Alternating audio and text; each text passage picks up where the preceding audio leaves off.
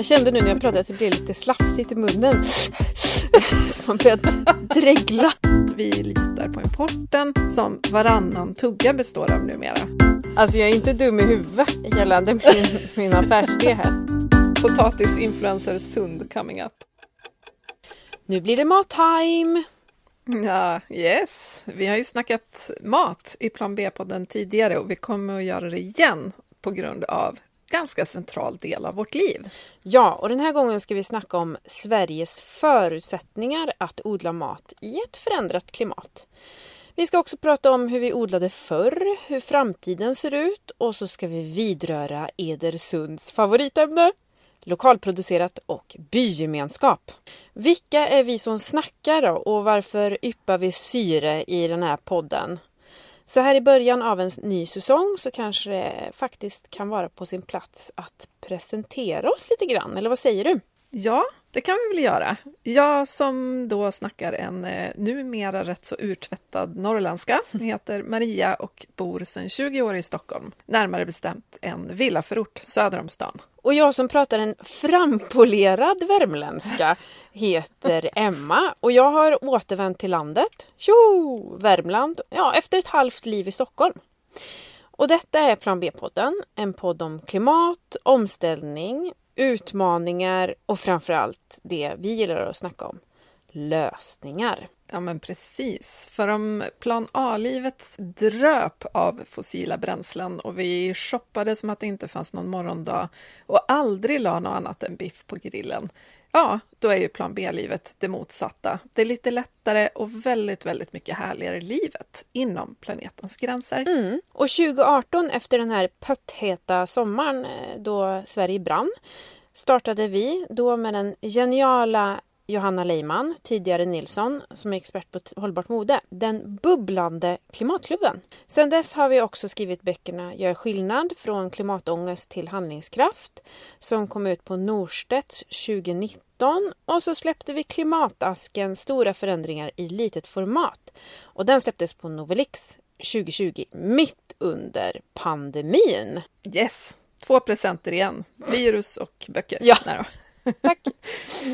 eh, nej men precis, och sommaren 2020 startade vi också den här podden som nu är inne på sin tredje säsong. Det känns ju ändå ganska mäktigt måste jag säga. Ja, verkligen. Och nu ska vi snacka mat. Lokal, smarrig, genomtänkt mat, närmare bestämt. Något som jag gissar att du får mer av än jag eftersom du bokstavligen bor mitt i spenaten. Ja, nu, eller? ja, nu är det så jädra mycket spanat ska jag säga dig. Eh, potatislandet är i full blom. Och det är sallad upp till öronen. Jag som har längtat så efter det här. Eh, jag känner bara att det här är för mycket.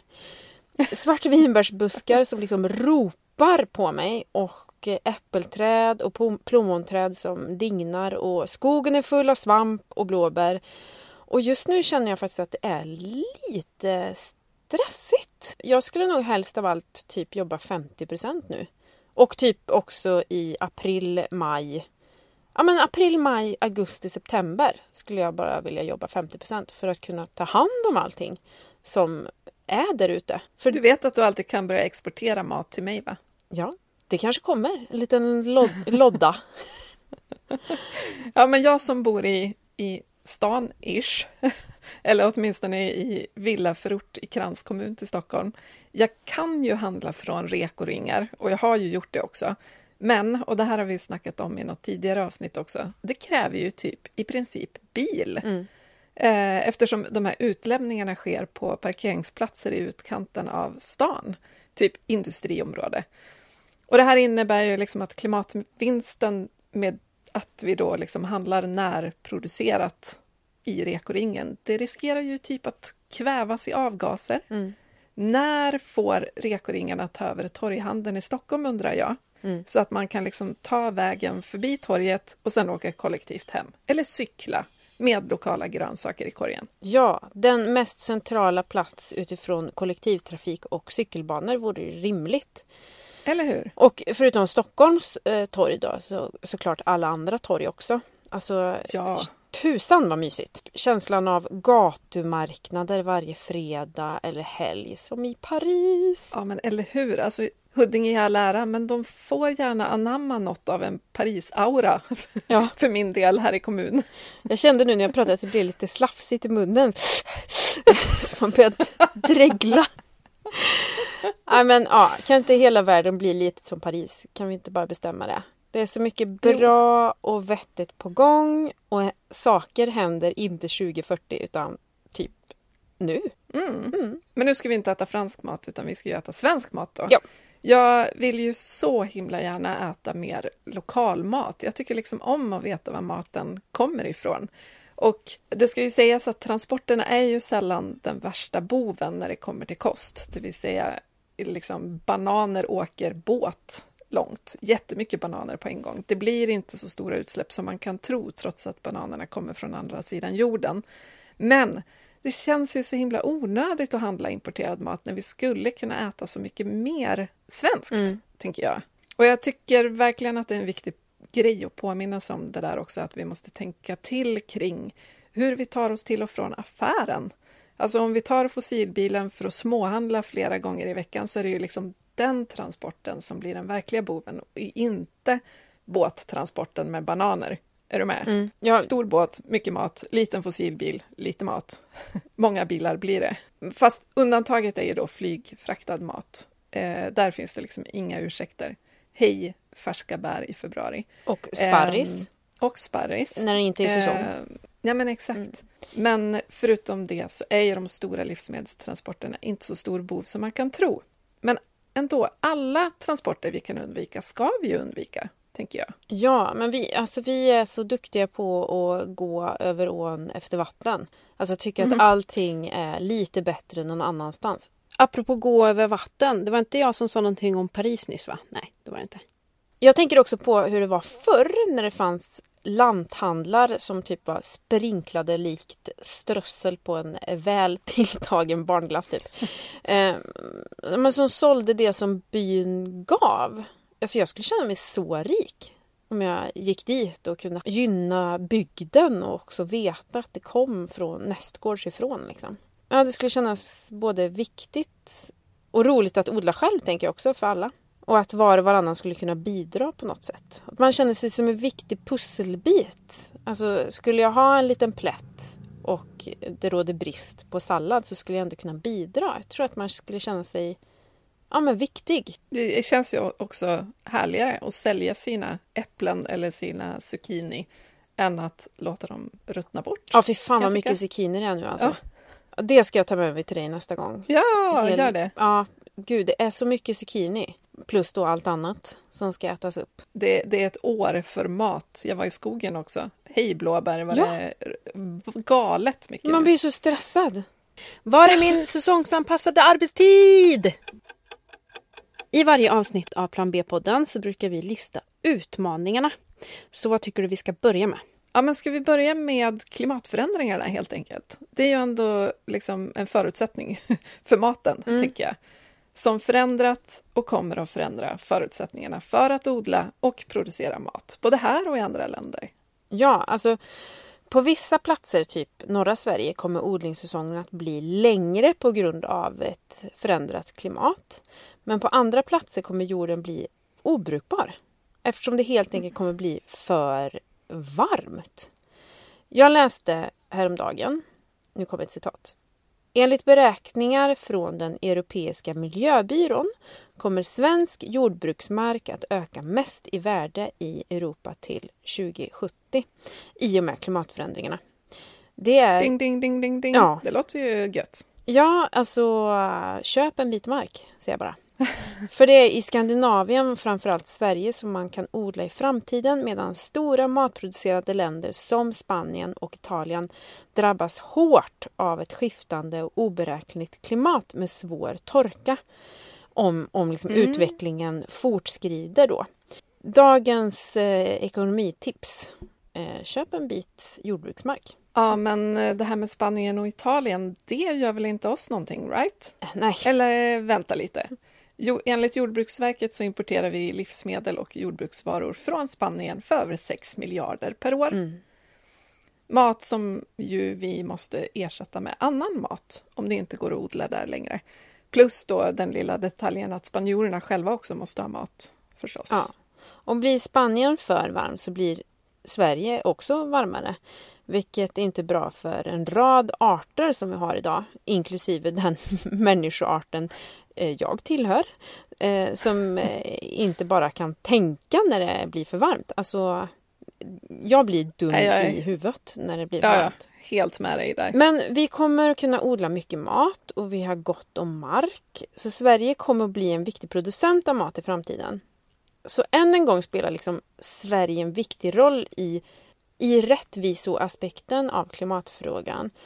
Inte nog att vi liksom gasar på utsläppen och bidrar, eller snarare kanske orsakar klimatförändringarna. Obs! Som inte vi drabbas först och värst av då, såklart. Utan vi behöver också ta ett större ansvar, både vad gäller människor som förlorar sina hem eller bor på en plats som blir för varm att, att leva på.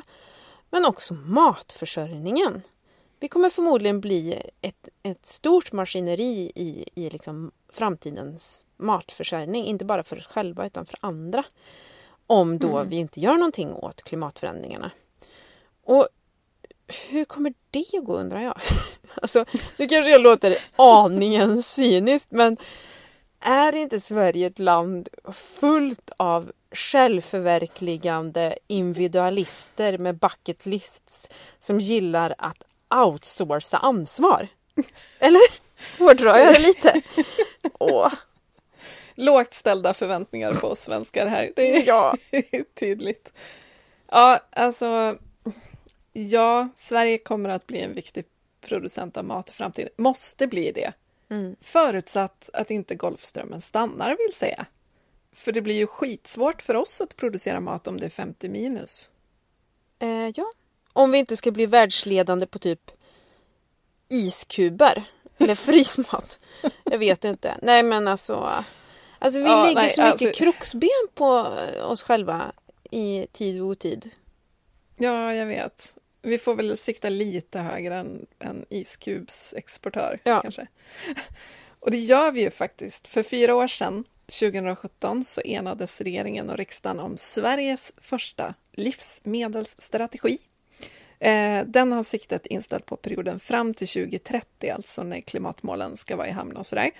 Eh, och den lägger väldigt stort fokus på att vi ska producera mer mat här i Sverige. Det ska vara lönsamt att vara matproducent och det ska vara hållbart och det ska skapas jobb i den branschen. De här självförverkligande individualisterna mm. ska alltså hitta jordbruksjobb, helt enkelt. Det kommer gå jättebra. Ehm, och det står också i den här strategin att vi inte ska förlita oss så blytungt på mat från andra länder, inte deras ord, mina.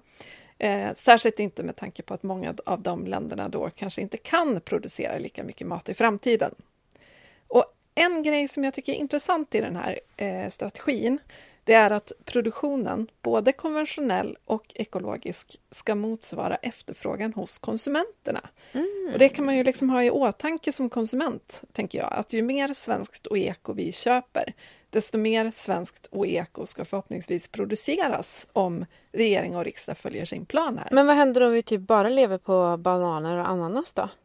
Kommer inget ja. att produceras då eller?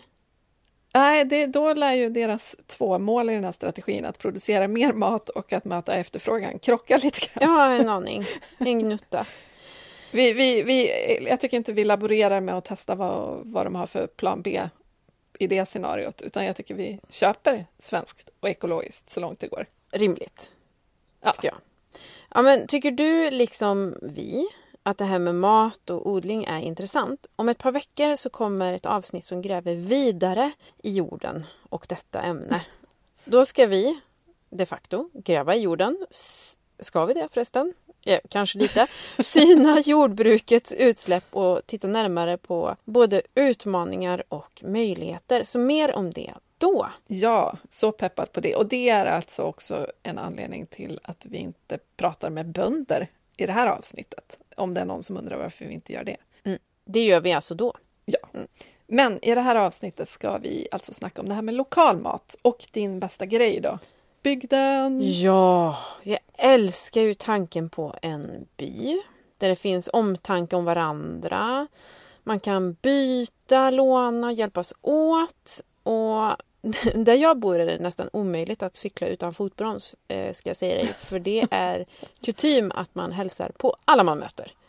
Och det är jädrigt svårt om man bara har handbroms, ska jag säga dig. Men det är sjukt fint. Och jag gillar den tanken på att man är del av ja, men en viktig liksom, motor i att man tar hand om varandra. Ja, alltså jag läste ett eh, blogginlägg, tror jag det var, hos underbara Klara alldeles nyss. Mm. Eh, som handlade om, hon hade fått frågan från en läsare hur hon upplevde kändisskapet. Mm. Och hon sa att ja, okej, okay, det är väl en del som känner igen mig för att jag har varit mer på tv och varit bloggare väldigt länge och sådär. Men här i byn där jag bor är ju alla kändisar, för alla vet vem alla är. Oh, jag tyckte det var så fint. fint. Oh, gud vad... Att man har liksom ett värde i sig själv bara för att man faktiskt känner till vilka alla människor omkring är. Ja, men det finns något väldigt omtänksamt i det där som jag tycker mm. att vi ska värna lite mer av. Och det ska jag också säga att genom att ha ett centraliserat samhälle som vi har idag då försvinner ju liksom bykänslan för att alla åker till exempel in till till stora mataffären inne i stan. Man har liksom inga naturliga ställen att ses på. Eh, vilket så, urvattnar tanken om byn. Så, hej decentraliserat samhälle. Vi måste ha det. Av så mm. många olika anledningar. Ja men verkligen, jag håller med dig. Trots att jag bor i den centraliserade delen av landet. Men vi kan gärna avveckla lite här kan jag tycka, eh, så det blir lite mer space och lugn i den här hörnan av landet. Och nu ska vi snacka knäcke. What? Vänta, va? Kanske någon tänker. Men inte jag. Inte du. Anledningen till att vi gör det här avsnittet hittar vi faktiskt i Dalarna. Eller hur? Ja, i Leksand närmare bestämt. För där ligger ju Leksands eh, knäckebröd. Ett familjeföretag där sex generationer har bakat bröd på närodlad råg, vatten från egen källa, lite jäst och en nypa salt. Och numera gör ju Leksands knäckebröd en rad olika brödsorter såklart, men ursprungsreceptet håller än. Det är coolt tycker jag. Avslöjade du precis deras hemliga recept? Eh, ja, fast med, mitt försvar är att de, de, har lagt ut en film om det på sin hemsida. oh. Det finns så mycket fint att säga om Leksands knäckebröd, inte minst ur hållbarhetssynpunkt. Bara en sån grej att de har återvunnit värmen från bakugnarna ända sedan, håll i dig, 1950-talet. Långt mm. innan klimatrapporter och eh, sustainability-tänk. Så det här vill jag höra mer om, så jag ringde upp Annika Sund med det snygga efternamnet som är en del av denna knäckebrödsfamilj och marknadschef på Leksands knäckebröd. Ska vi lyssna? Yes! Hej Annika Sund på Leksands knäckebröd! Eh, vilket fantastiskt efternamn du har. ja, tack Emma Sund. du, eh, Leksands knäckebröd knaprade ju igång hållbarhetsarbetet tidigt. Vilka viktiga satsningar är ni liksom speciellt stolta över skulle du säga? Ja, vi, vi installerade ju de första återvinningen 1954. Eh, men det stora steget som jag är mest stolt över det var att vi redan 2013 blev fossilfria. Ja, det är tidigt. Ja, vi började projektet 2011 och hade en liten panna som gick och fick bort den. Så att nu värmer vi allt med vatten och vindkraft. Men det där du sa först, det som hände 1954 sa du va? Fyra. Vad var det som hände då? Eh, vi börjar bygga återvinning på ugnarna så att vi värmer ju ugnarna, en knäckeugn är ju jättevarm, eh, mm. 500-600 grader typ. Men då återvinner vi ångan som kommer ur brödet eh, till att värma, stoppar in en, vär, en värmeväxlare och då värmer vi alla lokaler och varmvatten med den värmen. Men gud så smart! Ja. Men varför har just det här, den här typen av resurseffektivitet, att ta hand om spillvärme, varit så viktiga för er? Alltså går man tillbaka på 50 till 80-talet någon gång, då var det nog mest ekonomi. Mm. Eh, men sen vi miljöcertifierade oss redan 97 och då, då börjar man ju räkna mer och mer på saker och ting och då har vi sett att miljö och ekonomi går väldigt mycket hand i hand. Eh, så ja, därefter blev det. Vi är ett familjeföretag, vi räknar nog lite mer långsiktigt tror jag. Ja, smart. Bra grej. Men ni har också gjort produkter av rester, inte sant? Ja, eh, precis. Vi, vi har de som återvinner spånet eh, och bakar chokladkakor på det som vi sågar ut. Eh, det lilla som blir kvar, sen så har vi en bonde som vars djur äter upp men det är väldigt, väldigt lite degrester mm. och så vidare. Så det är någon som äter allt brukar jag säga. Ja, vad bra. Sånt gillar man ja. ju. Ja. Ja, men en sak som jag gillar som bor på landsbygden är ju att ni använder lokalt odlad råg till ert knäckebröd och därmed skapa mm. jobb. Inte bara på Leksands knäcke, utan berätta. Ja, eh, våran råg kommer ju inom 34 mil. Eh, en stor del av det kommer ju från Dalarna. Vi har jobbat i många år tillsammans med bönderna eh, i närområdet för att de ska odla rågen åt oss så som vi vill ha den odlad. Och det har vuxit jättemycket, det tycker vi är superkul. Eh, alla råvaror som vi kan få in från Sverige kommer från Sverige, även papper och wellpapp och så vidare. Hur axlar ni er roll i bygden och hur kan ni liksom påverka omställningen?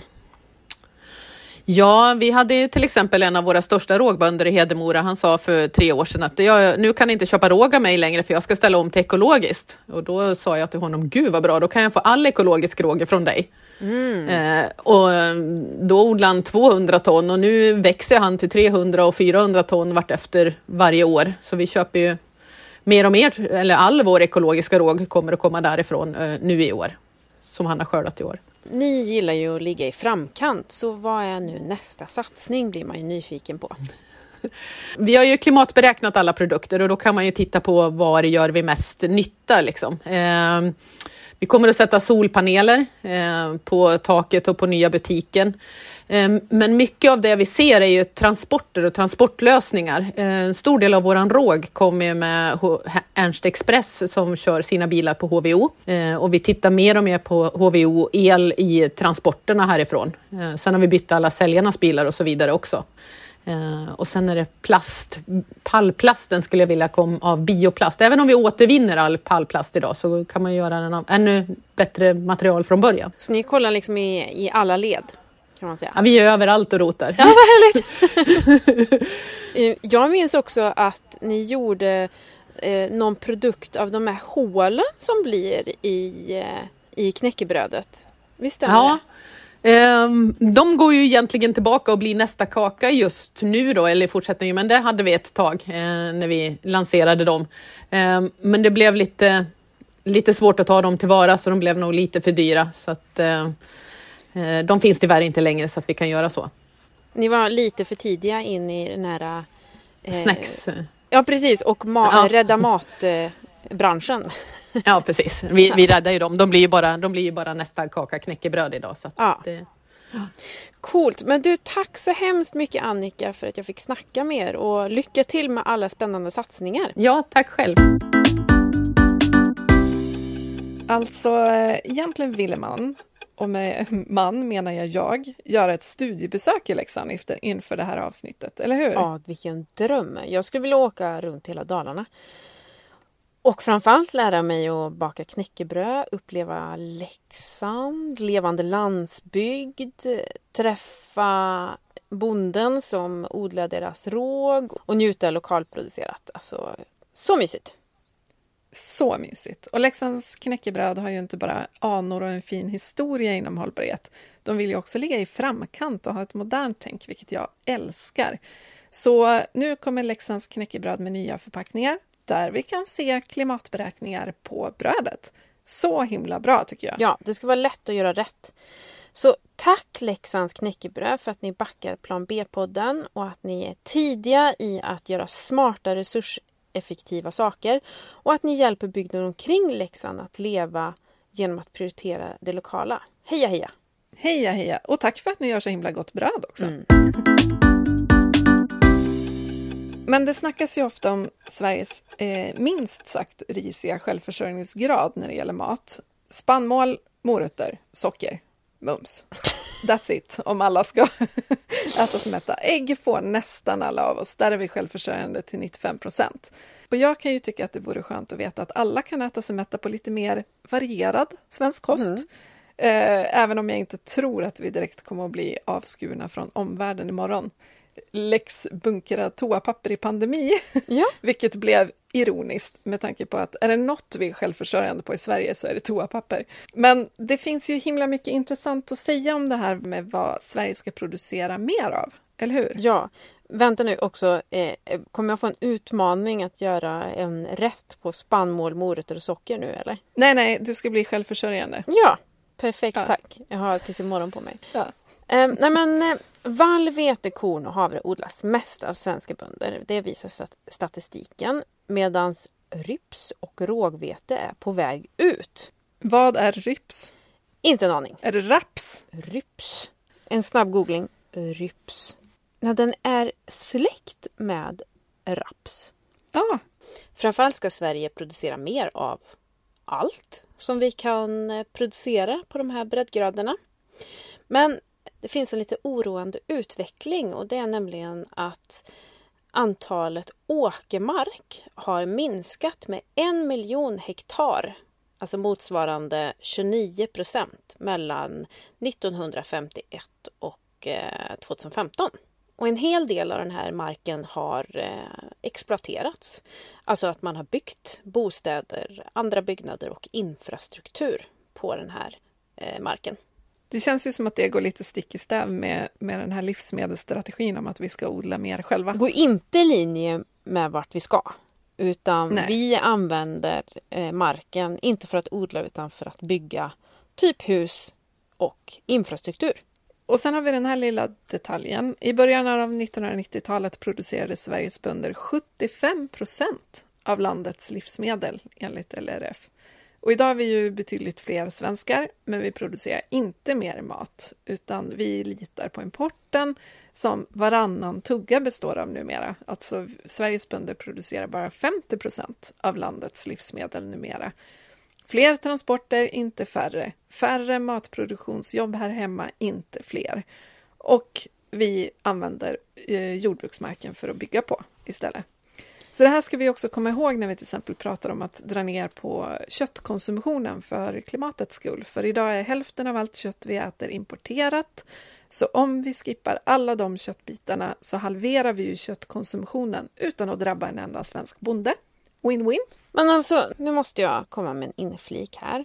Okej, befolkningen ökar och kommer förmodligen att öka big time med tanke på att klimatförändringarna slår framförallt andra delar av världen, inte Sverige. Så att Sverige är ett rätt schysst ställe att bo på. Så att här ska vi bo. Men vart tusan ska vi odla då? Om vi bygger på hela landytan? Nej, men exakt. Och ja, det är ju rimligt att om befolkningen blir större så behövs fler bostäder. Mm. Men det var vi ju inne på i förra avsnittet, att det finns ganska mycket bostäder redan, om man tänker efter. Men också så här, nu, ja, nu är jag lite obekväm, men jag tänker i huset där jag är uppvuxen, som är ett, ett hus på landet, där det tidigare bodde två familjer i en varsin del av huset. Ja, men så var det ju för att man delade två, tre familjer på ett hus.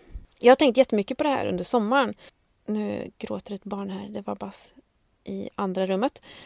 Ja, men jag har tänkt väldigt mycket på det här under, under sommaren. Hur rustade vi svenskar absolut inte är för, för att dela med oss av det här privilegierade livet som vi faktiskt lever. Och om man då ser på till exempel bostadsyta. Skulle du kunna tänka dig att liksom hysa in en familj till i ditt hus?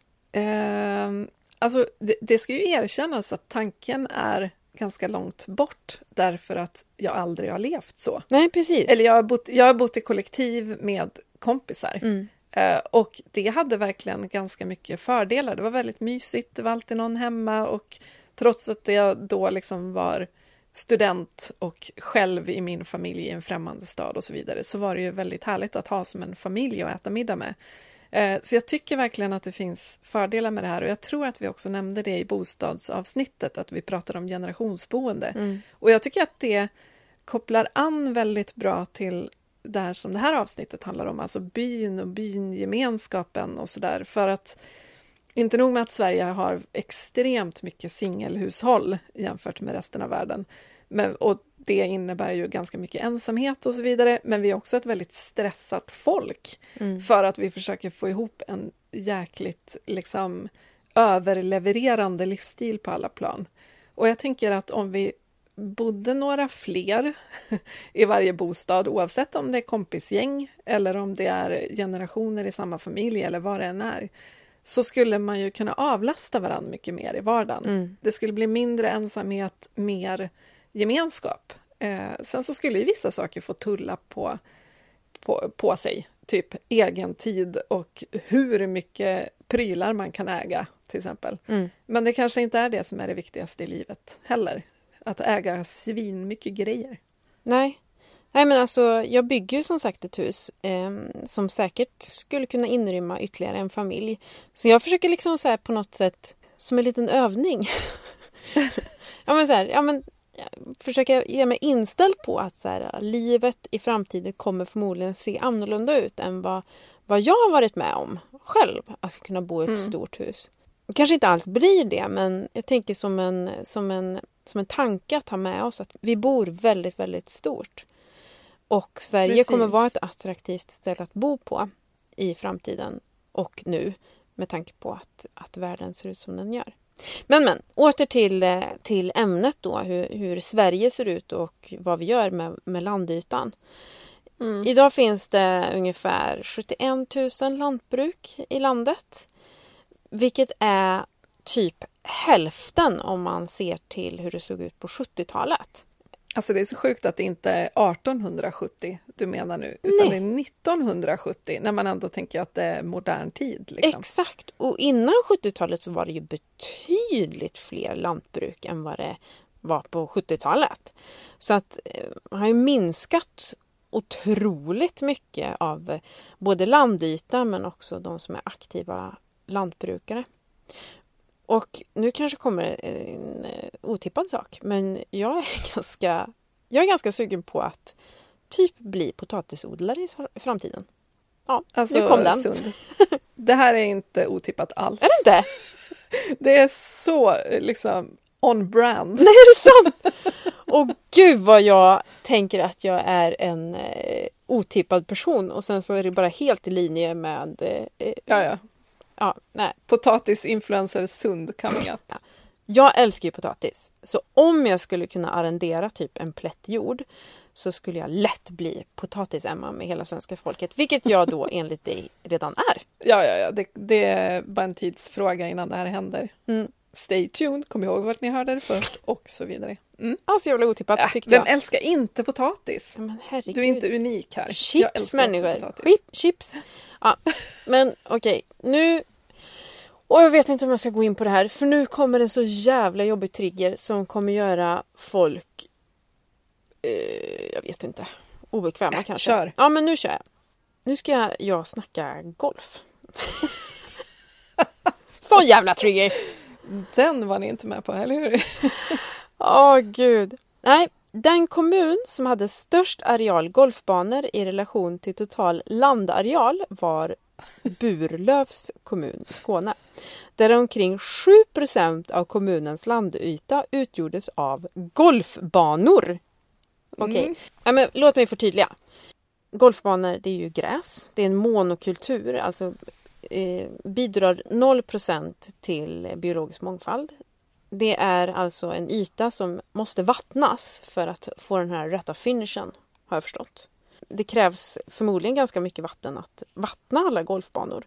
Och är mark som kanske i framtiden behöver användas till någonting annat som är rena behov snarare än begär.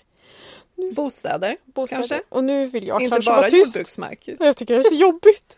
Nu kommer alla så här golfande kompisar höra av sig. Nej, det är det de inte kommer göra. Nej, precis. Mm.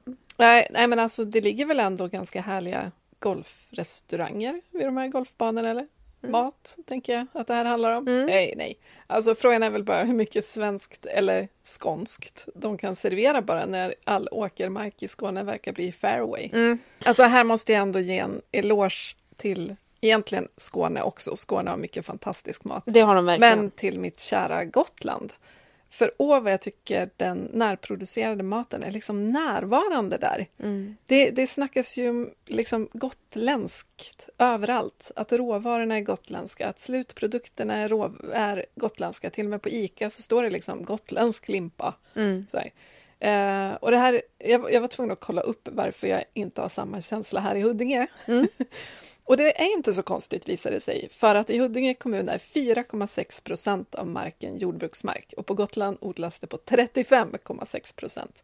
Så det kanske är rimligt att jag märker mer av det Mm. där. Men alltså det är ju inte noll i Huddinge. Visst borde jag kunna få lite Huddinge-mat på bordet? Ja, men lite Huddinge-spannmål åtminstone. Det borde rimligtvis skyltas störst med det lokalproducerade på typ ICA, Coop, Hemköp. Mm. Och tillsammans med allt det där som odlas i Sverige. Alltså att det ska ju vara liksom den delen av butiken som är störst och där man måste passera. Så får väl allt annat vara i något hörn, tänker jag. Ja, Världen 3 procent av butiksytan. Sverige 97 ja. här är allt som har producerats långt bort ifrån. Här kan du hitta bananer och ananas. Det finns inte alltid i vår butik eftersom vi tar ett ansvar. Men jag håller med dig om Gotland, för Gotland är grymma på att eh, skylta med det närproducerade. Och sen så älskar jag bara alla de här eh, gårdsbutikerna där man kan köpa dagsfärska Ah. grönsaker. Alltså det är så härligt. Landsbygden lever på något vis. Och till och med som sommargotlänning eller turist så, så blir man en del av den här bygemenskapen. Att man kan gå ner till sin lokala gårdsbutik och betala med Swish Mm. trots att det inte står någon där. Man får liksom den här känslan av att man är litad på Mm. fast man inte bor där. Det är ju underbart. Sen är det ju alltid... Lajva bygemenskap. Ja, sen är det ju såklart trevligt om man får träffa någon. Eh, Ja, ja, ja. Men, men Underbart är det. ja, det är ju alltid att föredra. Men du, Mm. vad, vad odlade vi förr men slutade med då? Först och främst var ju mat en mer närvarande del av typ allas liv. Många odlade mat. Och vi hade ju hus på Gotland förr som så tydligt hade varit ett småbruk. Alltså lagom stort för att ha typ en ko, några höns och en plätt för att odla en årsförbrukning av potatis. Och så var det väl mest för att man odlade liksom basen av vad man behövde och sen så toppade man med det som man inte odlade själv. Och numera är det ju mer tvärtom. Alltså man köper basen och så toppar man med lite egenodlat.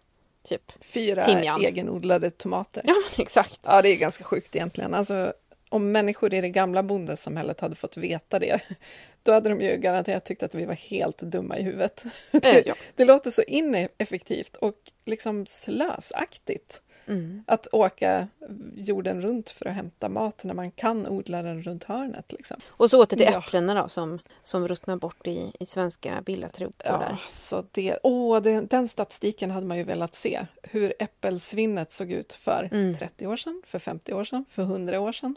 Men framför allt så tog man ju vara på allting. Alltså eh, torkade, la in, alltså så här, mer förstod att man, man var beroende av maten som, som växte. Snar, nu är det ju liksom snarare tvärtom, att maten är beroende av konsumenter på något vis. Alltså det är så, det är så upp och nervänt. I den här delen av världen så lever vi i ett överflöd och eh, ser mat som något, eh, ja jag vet inte. Att det är, Ja, men vi hinner inte äta upp det. Nej. Vi har så mycket mat att vi inte hinner äta upp det. Ja.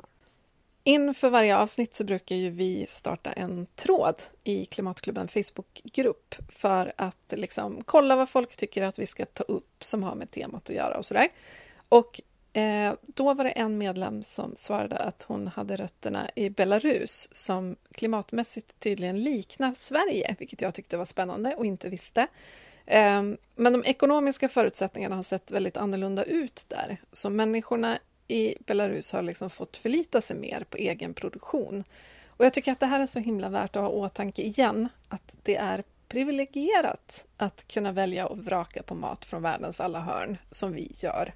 Eller hur? Ja, och i en värld vars klimat förändras och vatten portioneras ut totalt oregelbundet och torka kan utmynna i eh, konflikter och krig så tycker jag att det låter sunt att ha en väl tilltagen grundproduktion och ha stor respekt och stolthet för det som odlas just här. Jag tycker också det var intressant att hon trodde att vi i Sverige skulle få lära oss konservera mat igen. Mm. Alltså som vi kunde förr. Eh, att vi till slut kommer att få inse liksom, att det inte är hållbart att äta färska importerade grönsaker på vintern. Utan ja, men istället kommer vi få lägga in och konservera och fermentera och så vidare det vi behöver. Utöver världens bästa livsmedel då, potatis, från Potatis-Emma. Mm. Åh, där är företagsnamnet redan eh, riggat och klart, Potatis-Emma. Nej men jag är så med och jag tycker också att det är en sak som jag tänker på det är ju att idag är ju konservera mat och sylta och safta, det är ju typ en hipstergrej. Så vad skulle, en hobby. En hobby. Så vad skulle få gemene svensk att faktiskt göra det? Att ta vara ja. på det som växer och ta vara på det som finns i säsong, tänker jag. Och ta vara på det som odlas lokalt. Ett, ett rotavdrag som har med actual rötter att göra kanske? Ja, mm. Spännande! ja, men jag bara tänker att det känns som att det skulle till något sånt för att gemene svensk skulle tycka att det var värt att utnyttja sin villaträdgård till odla för att det fanns någon form av skattefördel i det. Ja. Det som vi varit inne på tidigare, just ransonering. Alltså, lever man i en klimatkris, vilket vi gör, som kommer förvärras, och då borde man ju rimligtvis räkna på vad allting kostar eh, i klimatutsläpp och sen så se vad vi har kvar att jobba med, en budget. Det som politikerna inte lyckas med, obviously. Mm. Eh, och utgå ifrån våra liksom, förutsättningar att varje person då... Nej, att utgå ifrån att alla människor måste leva på ett ton per person år.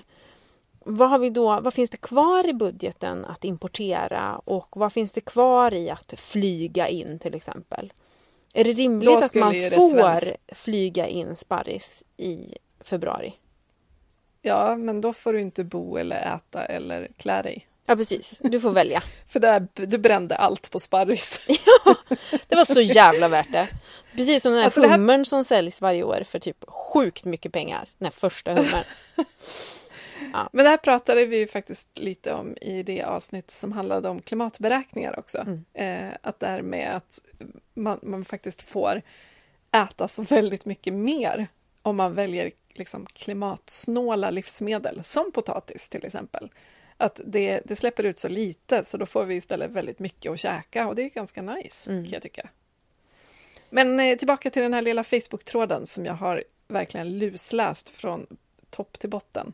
Det var så himla mycket spännande idéer där och den går ju alltså att leta upp om man är med i Klimatklubbens Facebookgrupp. Om man söker på Plan B-podden så hittar man den.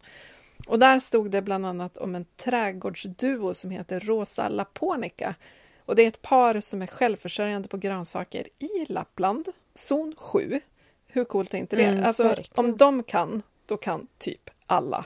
Ja, eh, gud vad inspirerande! Ja, men eller hur? Och jag, jag tror liksom att det finns rätt mycket jag har ju noll gröna fingrar, jag är helt värdelös på att odla. Men jag tror att det finns rätt mycket fördomar kring Sverige som odlingsnation. Att det typ bara blir några skrumpna rotfrukter kvar att äta i februari och det stämmer ju faktiskt inte. Nej, nej verkligen. Men nu fick jag en idé. Och när jag ska gå ner på halvtid där i i april, maj. Då kommer jag till din trädgård, om du inte har gröna fingrar, och liksom sätter igång din trädgård. Så ja, att du är liksom självförsörjande på grönsaker under liksom sommarhalvåret. Det är mysigt. Vad händer rent praktiskt med din trädgård då? Um, det vet jag inte, men om jag jobbar bara 20 procent. Annars gillar jag verkligen, verkligen idén. Och på riktigt, det är en bygemenskap jag skulle vilja ha. För att jag vill gärna bo i hus med trädgård för att jag tycker att det är väldigt härligt att ha, liksom, att kunna leva utomhus också. Eh, utan att behöva bege mig till en park till exempel. Eh, så att jag, jag njuter av att bo i hus, men jag har inga gröna fingrar. Jag skulle vilja hitta en person som bor i lägenhet, som vill bo i lägenhet, som trivs med det, men som älskar att odla. Mm. Som får odla i min trädgård och så delar vi på skörden. Oh, det, det är väl som det är i förr i tiden, var tionde. Du vet, man fick ja, var tionde. Ja, det... Eller var tionde tog kyrkan va? Ja, nu är kyrkan Maria Soxbo. Nej, men Jag tar en tiondel av allt alla odlar. faktiskt så har vi en Det, det låter lite tveksamt, Ja. men okej. Faktiskt så har vi en liknande deal på gång här för att vi har en, en tomt som kanske inte är jättestor och eh, mycket berg på. Och eh, bredvid oss så bor min moster som har en jättestor trädgård eh, med massa hallonbuskar och äppelträd och sånt där. Men också en del outnyttjat. Ehm, och då så frågar vi så här, men får vi odla på din mark? Hon bara yes, var tionde sa hon då. Så vi får, od, vi får odla på hennes mark och så får hon var tionde. Det känns som en så jädra fin grej också att kunna komma med så här grönsaker. Eh, Ja, att liksom alltså. så här, dagens skörd, det är ju ett skämtsamt sagt eh, ska tilläggas. Vi är inte så räknande i min släkt. Men, Nej, nej. men eh, det är också en så här, eh, nej men det känns som en fin grej. Och så tänker jag också så här, du yppade ju precis liksom också framtidens tydliga jobb i städer. Alltså folk som inte har gröna fingrar, som inte tycker det är kul med trädgård, men som faktiskt men som vill utnyttja ytan. Eh, Ja, men och även bidra till biologisk mångfald. Alltså om man inte är bra på att odla, då blir det ju lätt gräsmatta av rubbet. Ja. Vi har väldigt mycket, alltså vi har också ett stort berg på tomten ska sägas, Mm. men, så det är en naturtomt. Men vi har också en gräsmatta för att jag är inte övertygad om att jag kan göra något vettigt av den plätt jag har. Liksom. Nej, men jag tänker som Eh, så att någon annan får hemskt gärna förbarma sig och så hittar vi en bra deal. Det är bara att mejla mig så löser vi det här. Ja, men jag tänker som yrket trädgårdsstartare. Någon som ser så förutsättningarna. Det här finns ju säkert i någon annan benämning. Bara att, ja men typ trädgårdsmästare som man ska, skulle kunna ta in. Men också en trädgård... Garden content manager. Ja. Tänk dig en trädgårdsstartare som kommer och gör en bedömning om vad som trivs i ens trädgård. Sätter ner frön och liksom ger dig en, en eh, så här, bruksanvisning. Så här kommer din eller så här ska din trädgård skötas. Exakt. Och så finns det en extra tjänst att man får hjälp av någon som kommer i kritiska lägen och beskär och sånt. Mm. Med tanke på att vi svenskar outsourcar ansvar. Hallå, men det kanske är är en bra- jag kan ingenting. Det är kanske en bra start, tänker jag. ja, eller hur? Mm. Eh, får jag återvända till de här rosa laponica i Lappland? Ja, det får du gärna göra. För jag vill prata mer om Lappland. Mm. För en annan grej som stod i den här tråden också var ju att vi faktiskt har en ursprungsbefolkning som verkligen, verkligen kan det här med lokal matproduktion. Det finns en rörelse som heter Slow Food Sápmi som handlar om ren, god och rättvis mat. Och ren är inte en ordvits, utan de menar liksom clean Mm. food.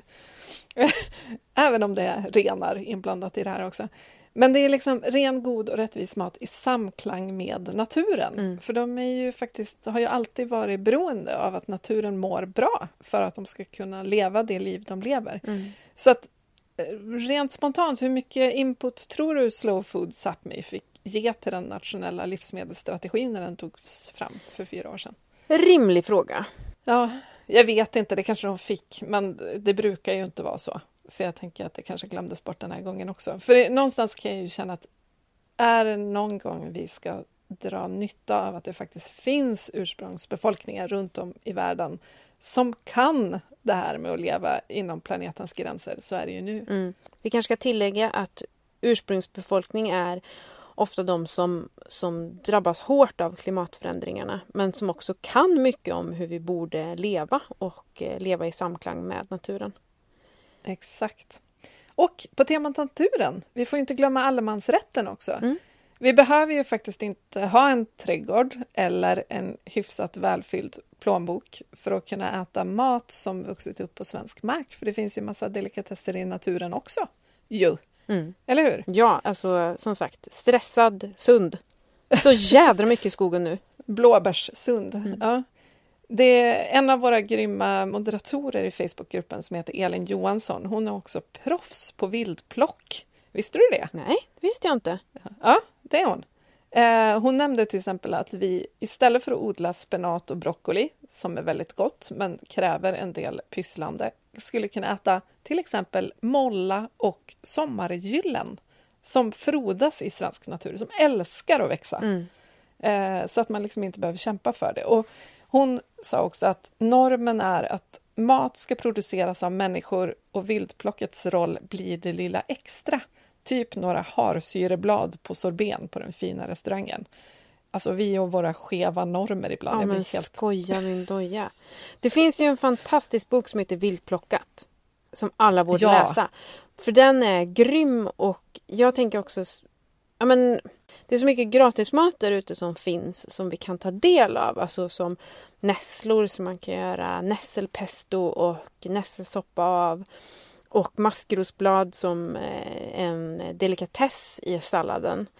Eh, Men vi tänker som sagt att det, det, enda som man ska bjuda på är liksom producerad mat och det där behöver vi vända på. Och det är ju inte ens bara så att vi glömmer bort det vildplockade utan vi tycker rätt ofta att det är ogräs också. Mm. Så vi rensar bort det och slänger det, apropå maskrosblad Ja. till exempel. Åker till tippen och slänger. Alltså, är inte det Alltså, sjukt? ja. Ja, det är ett annat avsnitt. Eh, Vi pratar om tippen någon dag. Men du, vad, finns det någonting vi skulle kunna plocka upp och odla igen då? Som vi har glömt bort att det finns? Typ. Ja, men väldigt mycket eh, olika saker. Och framför allt så behöver vi en mångfald av olika växter.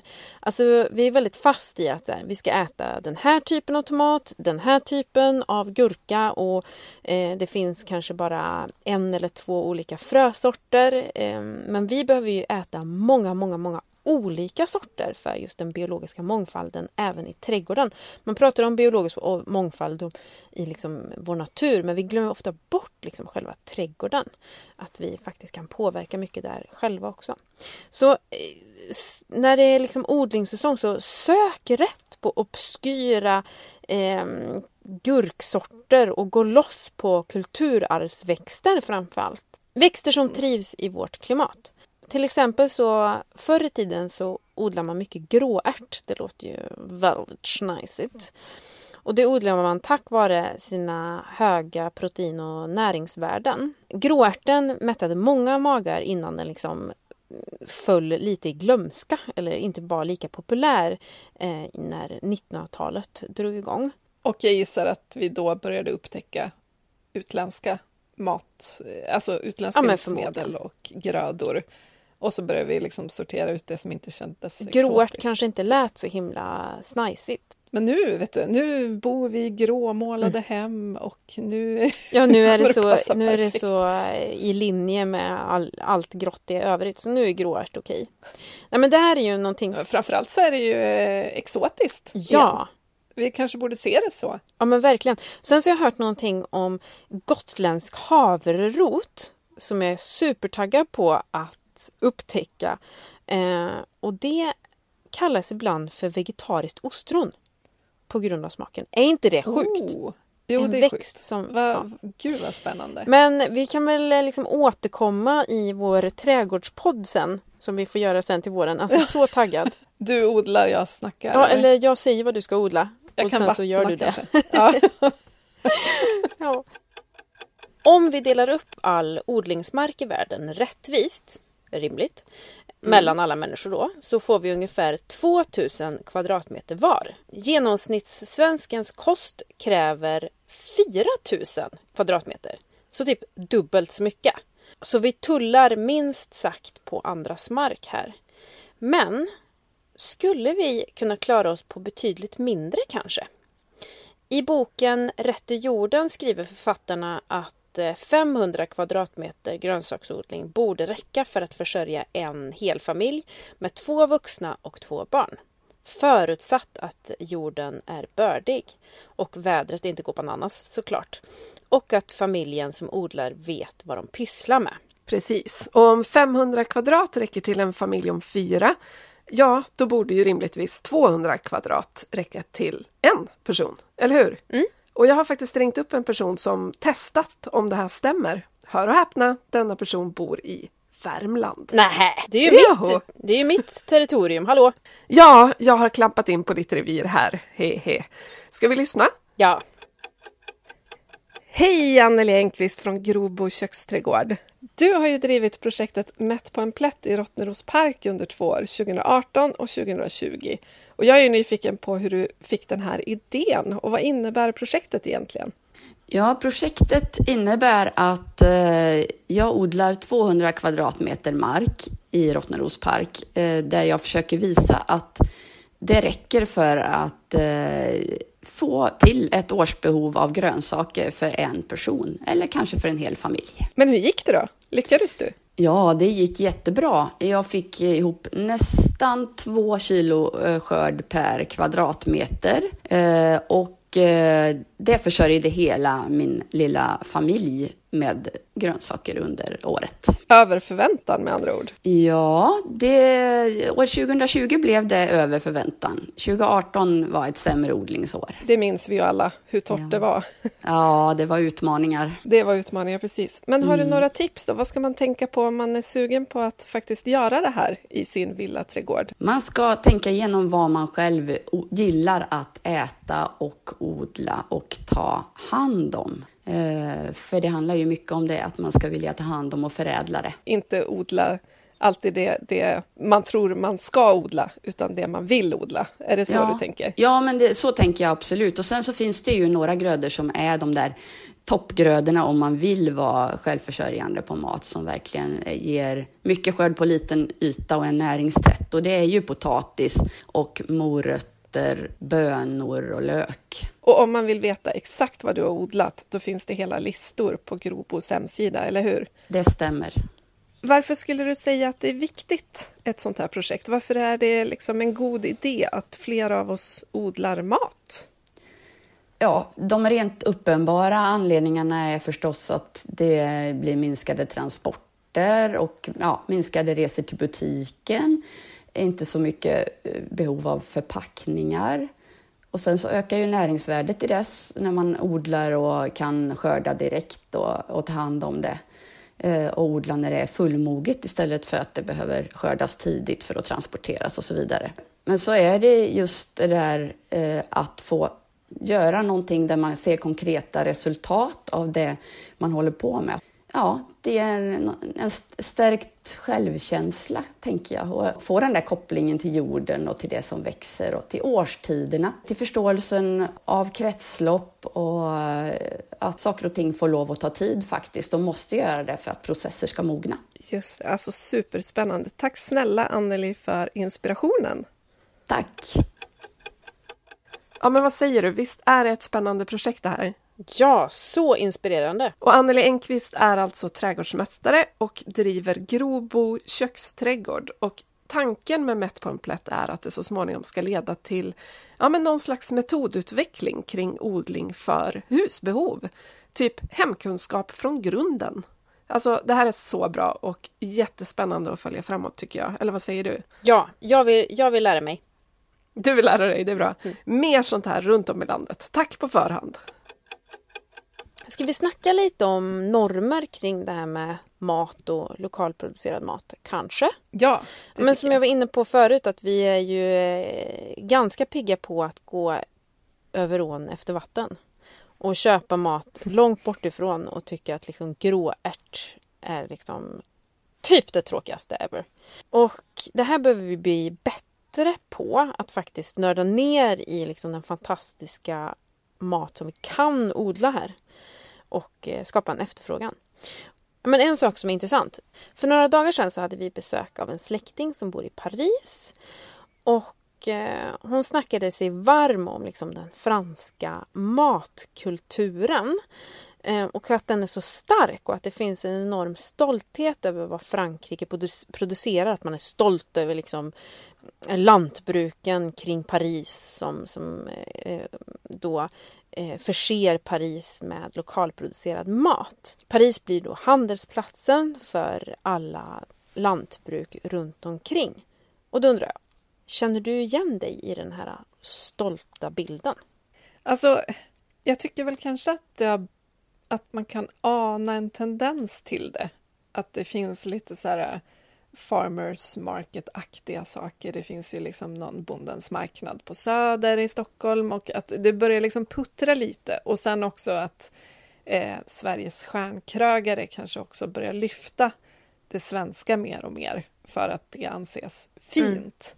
Men det är ju absolut inte norm. Det är håller inget vanligt- vanligt Normen är ju fortfarande bananer och spanska tomater. Ja. Liksom. ja, men jag tänker att det förmodligen är olika på olika platser. Och vi har ju rekoringar och liksom bondens marknad på Söder och liksom hipstertrenderna som handlar om att liksom, men äta lokalproducerat och ekologiskt och liksom, eh, värna om, om, om det som odlas runt omkring. Och att jag håller med dig om att det, det jag ska inte säga att det är liksom en hipstergrej att värna om det som odlas runt omkring, för det tror jag verkligen inte. Det tror jag man är ganska duktig på.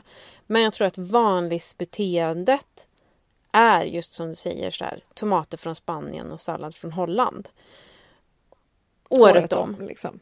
Jag skulle vilja se en matbutik med endast lokalproducerad mat och då syltat och saftat och inlagt och att man lär sig någonting av att gå in i butiken. För det tycker jag inte att man gör idag. Och att ha respekt för maten och Ja. också den som har framställt maten eller producerat eller plockat eller vad man nu har gjort. Att man förstår att det är människor bakom. För det, det tror jag inte det heller man tänker. Man tänker att det är typ maskiner. AI. Ja men verkligen. Det, det jag håller helt med dig. Jag vill inte ha en butik som är så. Jag tycker att alla Ja, butiker borde vara lite mer så. Men eh, ja, alltså jag tänker också på det här med att normen nu är ju att inte äta i Mm. säsong. Vilket gör att utländsk mat åker liksom räkmacka rakt ner i varukorgen. Mm. För vi tänker inte, vad är rimligt just nu? Liksom. Vi, det, vi äter ju jordgubbar på alla hjärtans dag trots att snön vräker ner på parkeringen utanför matbutiken. Och reflekterar inte ens över att, men vänta nu, jordgubbar borde väl inte vara mogna nu? Mm. Och då är det ju flygimporterade jordgubbar bara för att man vet att alla hjärtans dag är en bra försäljningsperiod för jordgubbar. Mm. Liksom. Så jag tänker att så länge vi inte ens reagerar på att det går att köpa jordgubbar i februari då kommer ju närproducerad mat i säsong alltid ha lite uppförsbacke för att vi kommer bara se det vissa tidpunkter på året. Mm. Det här är ju liksom någon grej som det måste tas tag i, tänker jag. Ja, jag håller verkligen Gör det. med. Men också gör, ja, tack. Nej, men också göra det ja, men enklare att tänka i säsong och närproducerat. Att där har ju livsmedelsbutikerna liksom en otroligt viktig roll. Det som inte är säsong, det ska inte finnas hela tiden. Det här har vi varit inne på i tidigare poddavsnitt också. Att ja, men kanske det är hög tid att liksom uppfostra.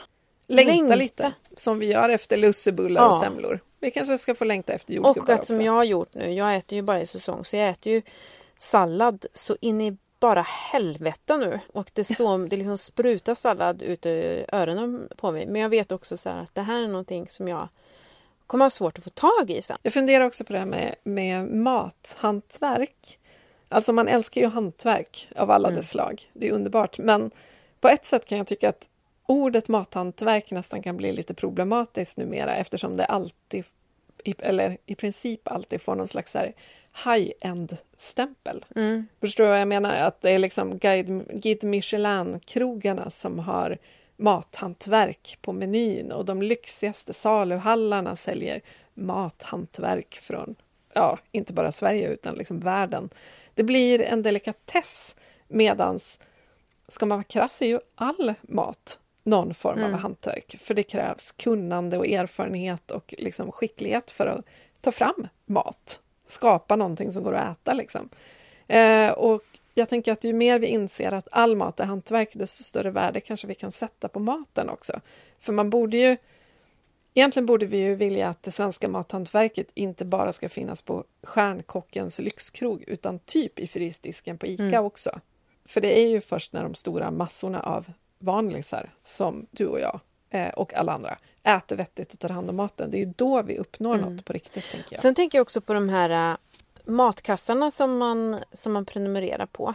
Att kunna prenumerera på lokalproducerad mat i eh, matkassar från de stora kedjorna. Det är ju drömmen. Inte bara få in rekoringarna på torgen utan också i livsmedelsbutiken. Fast jag håller med, det måste också in i matbutikerna för att, att gå från att ta bilen till ICA och handla det man behöver till att börja beställa en närproducerad matkasse är ett ganska stort Mm. steg, tror jag. Eh, och man, jag tror man måste... För att alla ska ställa om så fort som det krävs så måste liksom det, det som är bra och rätt måste in i det beteende vi redan Mm. har det är för jobbigt att ändra på allt, tänker jag. Jag prenumererar på en lokalproducerad grönsakskasse. Det var alltså innan vi insåg hur mycket det växer runt omkring oss. Eh, bara, men vi kommer inte kunna odla så mycket i år. Vi har så mycket med bygg. Eh, det är ju asgrymt att liksom köpa lokalproducerad mat. Och då är det så jädra fiffigt. För de som producerar grönsakerna, de kör in till rekoringen en gång i veckan och passerar oss, typiskt. Så att vi får alltså som en liten knarkdeal vid Stora vägen. Eh, de lämpar av en kasse, vi kommer och hämtar den sen. Om någon ser en, en liten eh, påse vid vägen, då är det liksom våran knarkdeal. Ta den inte! Den är fylld med grönsaker.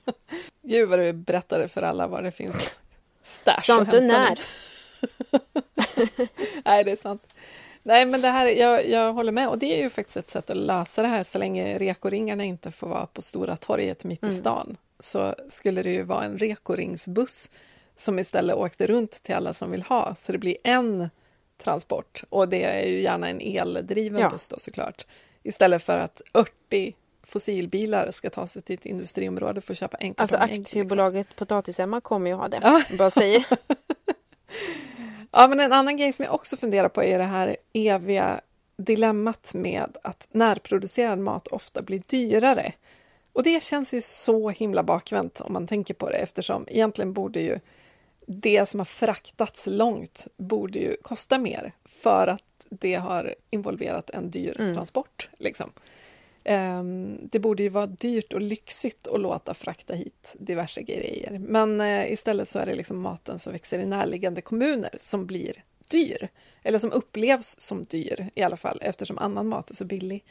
Um, och alltså, ja, det här beror ju på att det är ju det enda sättet att skapa vettiga villkor för våra svenska bönder. Så att, och jag vill så gärna att svenska bönder ska ha bra betalt, herregud.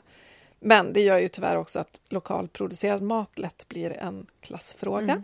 Och alltså, jag kan inte riktigt se en enkel lösning på det här som, som liksom alla går vinnande ur. Förutom möjligen att straffskatta utländsk mat. Men nej, då går ju inte alla vinnande ur, för det skulle ju återigen drabba dem med lägst inkomst som då inte har råd med någon mat. Alltså det här, hur löser vi det här? Ja, hur löser vi det här? Vi kanske får lov att återkomma eller kanske någon där ute har en bra lösning. Men jag tänker också så här, om vi all, och det här är inte heller helt uttänkt i förväg men, men tänk om alla fick möjligheten att eh, producera mer mat själva. Och att mm. ja, det kräver tid och det blir också en klassfråga ska sägas. Men, men jag yep. tänker om förutsättningen för att odla mat blev liksom mer allmän all ny bebyggelse ska liksom matchas med en odlingsplätt precis som att man har eh, P-plats. Det känns ju mer modernt mm. att satsa, satsa på en eh, odlingslott i så fall. Men som sagt... Det... Pallkrage över P-plats. Ja. Liksom. Men, och mm. det, det kräver ju som sagt tid och tid är också en klassfråga. Så då kanske vi ska liksom... Ja, vad hur gör vi då? Ja, men också tänker jag lite så här om, om matbutikerna på riktigt eh, bestämde sig för att vi ska tillbaka till 75 procent mm. svensk mm. mat istället för 50. Då skulle ju också fler bönder kunna sälja mm. mer. Eh, och då skulle kanske också prisbilden i matbutiken kunna bli lite mm. bättre. Jag vet inte, men, men någonstans måste vi lösa det här för att vi kommer ju inte att komma runt att billig importerad i värsta fall skräpmat ur liksom, miljösynvinkel, alltså typ eh, mat som har odlats på bekostnad av regnskog mm. eller vad det än är, och sen har fraktats hit. Om den alltid är billigast, och jättemycket antibiotika mm. kanske, eh, alla de här dåliga grejerna, om det är det som är billigt att köpa i butik, ja men då kommer ju en stor massa att köpa det. Vissa för att de inte har något val, andra för att de inte vill lägga mycket pengar mm. på mat. Men det fanns något land, jag är lite osäker på vilket, som hade någon tanke om att liksom inte konkurrera ut de lokala bönderna genom att Alltså jag tror att det var så här. Om någonting finns i säsong i landet så ska inte importerad vara av, alltså, av samma sort finnas att köpa. Inga nya zeeländska äpplen Exakt. i Exakt. svensk sommar. Finns det äpplen ja. i, säg Sverige då, då ska det inte finnas nyzeeländska äpplen vid samma tidpunkt. För att det ska, man ska liksom Precis. använda det man har. Och det tror jag faktiskt skulle locka folk att faktiskt ta vara på det man hade och kanske känna sin hacka om man inte, em, om man inte äter upp allt själv. Nej men jag vet inte hur det är förenligt med EUs eh, konkurrenstjofräs. Men jag tycker att det är en rimlig tanke. Tjofräs är det officiella namnet på Ja, det regelverket, går att eller hur? googla. Jag menar inte att man ska stänga av länder, liksom så att göra länder till olika öar, för det blir ju jävligt eh, eh, orättvist med tanke på att Sverige kommer att ha goda förutsättningar. Men vi kanske behöver få in ett annat tänk i hur vi handskas med mat och hur vi respekterar mat och också sätta press på andra länders eh, sätt att hantera mat och antibiotika och eh, besprutning och div- diverse. Och det här leder väl oss in på plan B-livet, eller hur? För nu har vi ju redan börjat spåna om hur vi Ja. vill ha det i vanlig Precis, ordning. Alltså, det finns inget styr på oss, herregud. Det, men det här som jag var inne på, att matcha nyproduktion med odlingsplätt. Om det ska ingå parkeringsplats borde det väl rimligtvis ingå möjlighet till odling. Det borde vara alla människors rätt, tycker jag. Och det skulle ju också jacka i en dröm som jag har om starkare liksom, communitykänsla även i storstadskvarter och villaförorter. Alltså om det kan bli lite mer så här, byteshandel eller försäljning av mat på ens egen gata, då skulle man ju lära känna fler i närområdet, vilket i sin tur skapar trygghet. Och där har vi ju liksom ett ord som kommer att tjatas ihjäl i kommande valrörelse, fast av helt andra Eh, ja. anledningar. Liksom. Jag är ju rätt basic här. Jag tror ju på att ju fler man har anledning att säga hej till i området där man bor, desto tryggare känner man sig. Oavsett antalet asylsökande i riket. Mm. Typ, hej, där kommer en liten politisk rant, men okej. Eh, För jag, alltså till, som ett exempel, jag och min kompis Malin som bor någon kilometer bort, vi stod i hennes trädgård och plockade världens godaste plommon nyligen. Hon hade sinnessjuka mängder plommon. Jag fick plocka hur mycket jag ville för eget bruk, så här, göra, mar- göra marmelad och plommonkaka till barnen typ. Och hon plockade för att hon skulle köra byteshandel med en granne som hade överskott på zucchini. Gud vad härligt! Sånt vill jag liksom ha mer av och det tänker jag är sånt som verkligen, verkligen Alltså det krävs ju inte en by på landsbygden. Det funkar ju jättebra med en villaförort också. Ja. Och vad mysigt! Och alla vänner som hör det här, vi har jättemycket svarta vinbär, så kom och plocka och häng med mig. Ta med till Stockholm Ja, nästa gud gång. vad, och det är så härligt att, att det är folk som uppskattar sånt, Maria. ja, ja. Nu kommer jag också kläcka en ny dröm, tror jag. Förutom eh, Potatis-Emma aktiebolag så har jag ytterligare en dröm. Och det är när vi har byggt klart huset så tänker jag bygga ett hus in till vägen. Alltså inte ett till stort hus utan det ska vara ett förråd i ena delen för cyklar och sånt. Och sen tänker jag ba, en liten lanthandel i andra delen. Ja, var inte det Oh. mysigt? Alltså jag ska inte utkonkurrera den lokala lanthandeln utan bli ett komplement, tänker jag. Där, man, där jag kan sälja ägg från mina framtida höns och överskott från trädgården och nyproducerade nödvändigheter. Vi har till exempel en tjej här i närheten som gör sin egen honung. Alltså hur mysigt? Ja men verkligen. Sen så ska det givetvis råda cykelrabatt. Alltså att alla som cyklar Oh. till eh, min lanthandel får rabatt. Ah, jag känner mig li- lite diskriminerad nu som har så väldigt långt att cykla hem till dig. Ja, nej men Annars hade jag ju lätt varit spekulant på cykelrabatten alltså. Nej men det här är ju en genial idé. Den, den grejen borde ju fler företag köra med. Ja, det faktiskt. tycker jag med. Cykelrabatt eller kollektiv. Ja, om, om man visar upp att man har åkt kollektivt så får Ja. man rabatt. Istället för att man har tagit bilen. Nadja bara. Hallå, Inför överallt. Ja. Och sen såklart någon slags undantag för människor med funktionsvariationer som hindrar dem från att cykla såklart. Men alltså gemene man, inför genast. ja, och sen så jag kommer ta med en liten låda grönsaker och med ägg också till dig. En specialleverans Åh. när jag kommer med tåget till Stockholm. Nej, gud vad Mm. mysigt. Ja, nej men alltså det här... Jag skulle också vilja se någon form av så här förteckning i den lokala matbutiken. Alltså typ en stor display vid entrén som så här räknar. Just nu är 32 procent av vårt sortiment producerat i Sverige. Vårt mål är att nå över 50 procent. Hjälp oss genom att välja svenskt. Men alltså, Vore inte det något? hur bra? Sån här har ju typ alla eh, svenska företag, vad jag på att säga, men nu var det lite att dra alla över en kant eller kam. Men alltså, ja, men så bra idé, alltså bara inför, känner jag. Och så här, Ja, men jag tänker det. Och då måste man ju skylta upp tydligt vad som är svenskt så inte folk måste gå och leta. Utan exakt. Bara, här, handla här. Så En hel oss. avdelning. Eh, välj här först. Jag tänker, det är många företag som jobbar så här. Jag har ju jobbat på ett magasin till exempel som har haft vissa mål. Eh, att man ska ha ett visst antal besökare på sin sajt till exempel. Så det första man- man nås av när man kommer in på kontoret det är ju just en sån här skärm. Och en Exakt. så här, procentandel. Så här. Vi är uppe i 32 procent av veckans mål till exempel. Och då visste man så här, nu måste jag jobba hårdare. Och så får man nudga åt andra hållet också. Att det står så här.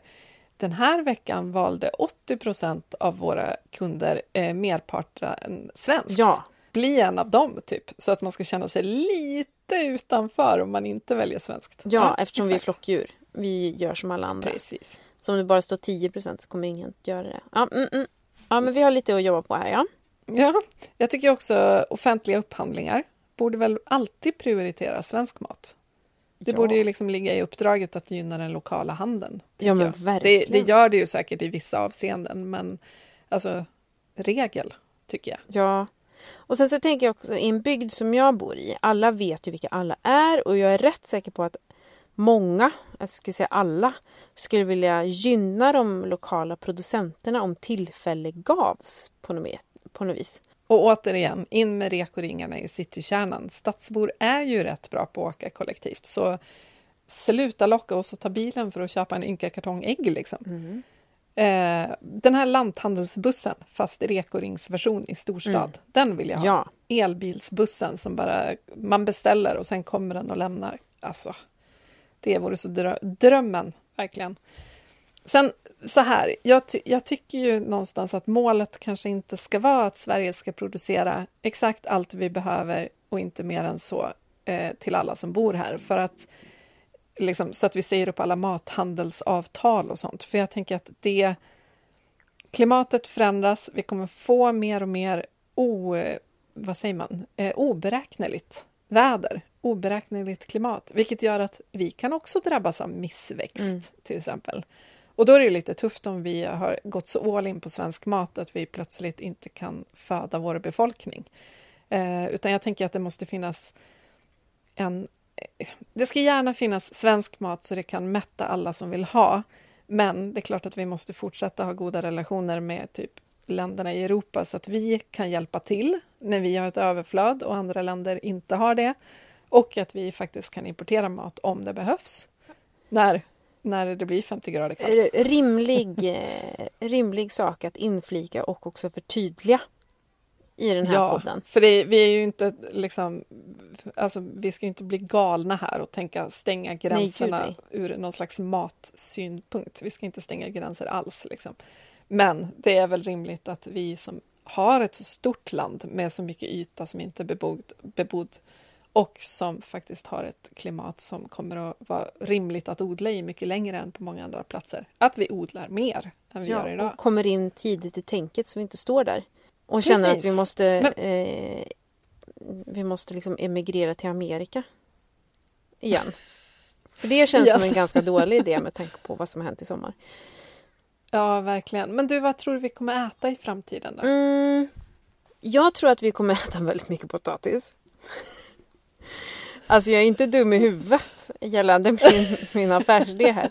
Jag tror att vi kommer äta mycket rotsaker och eh, vi kommer äta upp. Vi kommer att ta vara på det som finns, alltså det som växer i Sverige idag plus att vi kommer att damma av en hel massa gamla eh, grödor som, som vi tidigare har, har ätit. Det är jag helt övertygad om. Det här med liksom att vi ska äta insekter och sånt som var så här dåtidens tänk om framtiden. Bara, nej, vi, nej. Utan vi kommer äta upp. Vi kommer äta rotfrukter. Vi kommer äta en god varierad kost. Men kanske inte så mycket exotiska frukter. Det som är liksom vanlig mat idag. Nej, men exakt. Och vi kommer äta mer vilt, Mm. tror jag. Att vi kommer bli bättre på att faktiskt ta med oss en korg när vi går ut och går i skogen och plocka svamp och bär och diverse blad som är smarriga.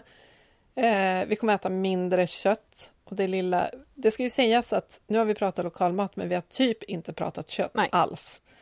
Eh, och det är en, av en anledning, nämligen att vi måste skära ner kraftigt på köttkonsumtionen. Mm. Men det ska ju sägas också att om man fortfarande är köttätare och vill äta en köttbit ibland, en bit kött i veckan är ju ganska lagom enligt forskarna, då ska man ju välja svenskt naturbeteskött som bidrar till den biologiska mångfalden. Mm. Alternativt vilt går ju också Precis. bra. Eh, så att jag tror vi kommer äta mer vilt, framförallt då inte kött utan vilt plockat av olika slag. Eh, vi kommer väl gå in på det här med konservering och sånt, tänker jag. Alltså att vi kommer börja uppskatta eh, mat som inte är färsk igen. Mm. Utan att, den är liksom, att det är ganska häftigt att kunna äta sina Ja, morötter är vi ju självförsörjande på. Äta sina egna morötter fast året om i olika former. Mm. Bli bättre på att variera det vi har kanske. Ja, och vissa saker kan vi ju lagra sjukt länge, typ som morötter och potatis och rotfrukter. Nu hörs mina vabbande barn Precis. här eh, utanför. Men, men, eh, nej men precis, och liksom inse att vi har ju mat året runt. Eh, och sen så att genom att konservera och ta vara på det som finns så kan vi... Alltså jag är så nyfiken på de här äh, kulturarvsväxterna som du nämnde. Alltså det där som smakar som vegetariska ostron. Ja. Spännande va? Jag tänker att det är sånt som kommer att bli kokböckerna om tio år. Då kommer det vara fullt med kokböcker om de här eh, råvarorna som typ ingen har smakat sedan mormor dog. Exakt, och liksom. ogräs. Som inte är ogräs. Ja. Utan vi kanske kan vi... Ja, det är så konstigt att vi liksom benämner det som ogräs när det faktiskt är någonting som både eh, andra arter och vi kan dra nytta av. Det kanske är en komplimang egentligen, med tanke på att gräs är typ som asfalt när det gäller biologisk mångfald, så är ogräs någonting väldigt mm. bra. Sen så tror jag faktiskt att i, i plan B-livet så kommer vi att odla precis överallt. På alla eh, otippade ställen. Till exempel din trädgård. det är inte så otippat, en villaträdgård. Men eh, vad heter det, skyskrapetak mm. och eh, såna här vatten, vad heter det, akvaponiodlingar mm. och vertikala odlingar och sånt. Ja, vi kommer inte ha så mycket gräs, stora gräsmattor. Exakt. Nej, det kommer vara spännande. Sen så tror jag också, eller hoppas på det här med varierad arbetstid beroende på eh, var i säsongen man är. Um, jag ska ju intervjua en bonde här till, till eh, ett kommande avsnitt och det är ju beroende Alltså intervjutiden är ju beroende på vad som finns att göra i, i, vad som måste göras liksom. Och jag gillar det ja. tänket att det liksom så här, det kanske inte är 8 till 17 eh, arbetstid utan det kanske är så att nej hörni, det är jädrigt mycket äpplen på äppelträdet. Det kanske är okej att få gå ut och ta hand om det eh, istället att det, ja, för att det förmultnas. Eh, för det känns som en bättre idé liksom. Så att jag... Mer flexibla arbetstider så att man faktiskt kan eh, jobba beroende på väder. Ja, och också ja, men att man ruckar upp det där, lite frihet under ansvar. Men också så att vi får leva mer i samklang med liksom, naturen och vädret. Fy fan vad flummig jag låter. Men jag tror att vi behöver göra det för att det är väldigt svårt att få in liksom, allt det här som vi har pratat om i podden. Att ta vara på det vi har och konservera i liksom, livspusslet, det där äh, ordet som du älskar. ja. Eh, nej men så att, så att eh, jag tror att vi behöver ta oss en kreativ vända i hur vi, hur vi arbetar. Så jävla bra! Så jävla bra! Okej, dags för listan. Det finns ju så himla många bra saker med att handla närproducerad mat. Och den här gången har vi bara snott en lista från ett proffs. Så jävla bra! Vi har outsourcat arbetet mm. kan man säga. Ja, Elin Rös, som är en av Sveriges främsta forskare på mat och klimat och som eh, finns på Sveriges lantbruksuniversitet. Hon har listat ett gäng fördelar med närproducerat som vi helt sonika har omvandlat till en plan B-poddslista. Allt för att ge er som lyssnar vatten på er lokala kvarn, mm. så att säga. Och ja, här kommer den. Punkt 1. Ja, men att äta närproducerat stimulerar svensk livsmedelsproduktion. Alltså ökar efterfrågan så att fler kan livnära sig på att producera mat. Ja. Bra ja. grej! Punkt två. Vi bidrar inte till att jordbruksmarken expanderar i andra länder. För risken med det är ju förstås att det som får stryka på foten när andra länder börjar producera mer och mer mat för att Sverige vill importera mer och mer mat, ja men då kanske regnskogen ryker. Eh, för ju större ekonomisk vinning det finns i att odla och exportera mat, desto större risk är det ju att det börjar tullas på naturen. Mm. Punkt 3. Eh, det är lättare att kontrollera och ställa krav på svenska matproducenter än utländska. Exakt, det är ju lättare med insyn helt enkelt. Ja, och det kommer eh, in på nästa punkt som du får ta då. Precis, punkt fyra. Vi har ju bättre djurvälfärd och lägre antibiotikaanvändning i Sverige än många andra länder. Nu ska vi ju äta mindre kött och mejerier oavsett ursprung, som vi redan har pratat om. Ehm, det är bättre att äta växtbaserat, men för oss som inte är veganer utan till exempel äter ost ibland, hallå, här har vi en ostätare, eh, så finns det alltså all anledning att välja svenskt och närproducerat. Mm. Punkt fem, och eh, det här gillar ju jag. Vi bidrar ju till en levande landsbygd och vackra landskap. Mer sånt. punkt. Precis. Och så punkt 6 då. Vi minskar ju behovet av tra transporter. För återigen, varje transport vi kan skippa, desto bättre. Så illa är det ju faktiskt ställt just nu. Och så påminner vi igen om att inte ta bilen i onödan eftersom den har en förmåga att köra över all klimatvinst i butiken sen. Så har du bilavstånd till affären och inte har något val, storhandla! Ja, och ta cykeln när du kan. Okej, nu är det dags för lite snabb uppföljning. Det här blir världens längsta avsnitt, mm. så nu vill vi ha en kort kort sammanfattning här på lite gamla utmaningar du har fått. För nu var det ju fasligt länge sedan du fick de här utmaningarna. Mm. Men i avsnitt 12 som hette Bostad, brunkol och beteende så fick du i uppgift att skriva ett medborgarförslag i Karlstad som hade med el att göra. Hur har det gått? Jag bor ju utanför solstaden Karlstad. Det är klart att Karlstad ska bli liksom epicentrum för solenergi, tycker jag. Och många med mig.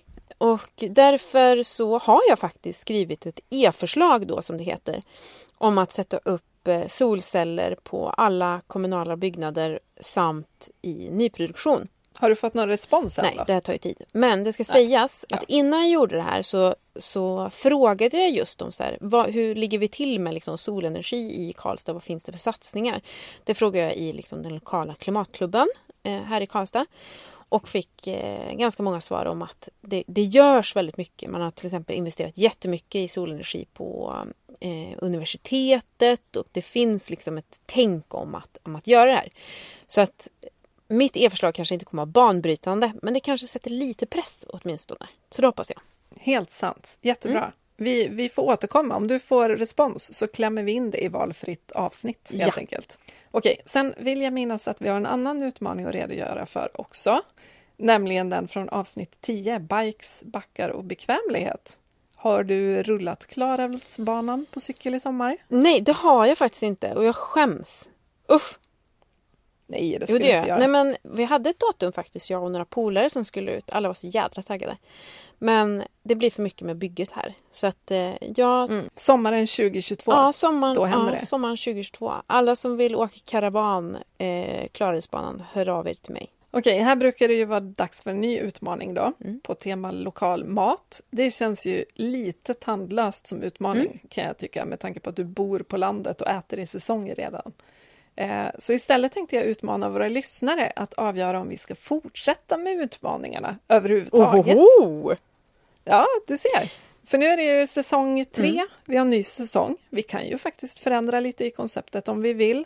Så på Plan B-podden på Instagram så kommer vi att lägga upp en post om de här utmaningarna som du har gjort. Och så får ni som lyssnar helt enkelt tycka till. Mm. Ska Sund få fortsätta svettas eller ska vi skrota utmaningen och hitta på något helt annat som fast inslag i podden? Gud så spännande! Det här ska bli spännande att höra ja. vad lyssnarna tycker och tänker. Obs, obs, obs! Att utmana Soxbo är inte ett alternativ. oh. Då vet ni att ni har ett ärende på vårt Instagramkonto alltså och när ni ändå är där så kan ni ju faktiskt lika bra följa oss tycker jag. För det är där vi brukar lägga upp diverse saker kring avsnitten som kan vara lite kul. Källor till exempel och så. Ja, alltså det får ni verkligen inte missa. Och mejla oss gärna förslag på ämnen och teman för kommande avsnitt. Och då kan ni mejla planbpodden gmail.com och så kan ni bli Patreons också. Vi har ju en dröm om att nå 100 Patreons så vi kan få göra det där utlovade specialavsnittet bara för er. Eh, det kanske kan hända under säsong tre, tänker jag. Alltså hoppas, jag är så sugen på det. Eh, och hörni, hjälp till att höja efterfrågan på lokal mat. Det gör ju faktiskt både klimatet och våra bönder och lokala matproducenter glada. Plus gott! Ja, och ta en knäckemacka. Och rösta i kyrkovalet också. Herregud, det är så mycket ni behöver göra nu. Eh, ja, det var väl allt för oss. Det var allt för oss. Vi hörs snart igen. Det är ha vi. det Ja, gött. gött. Hej! Hej!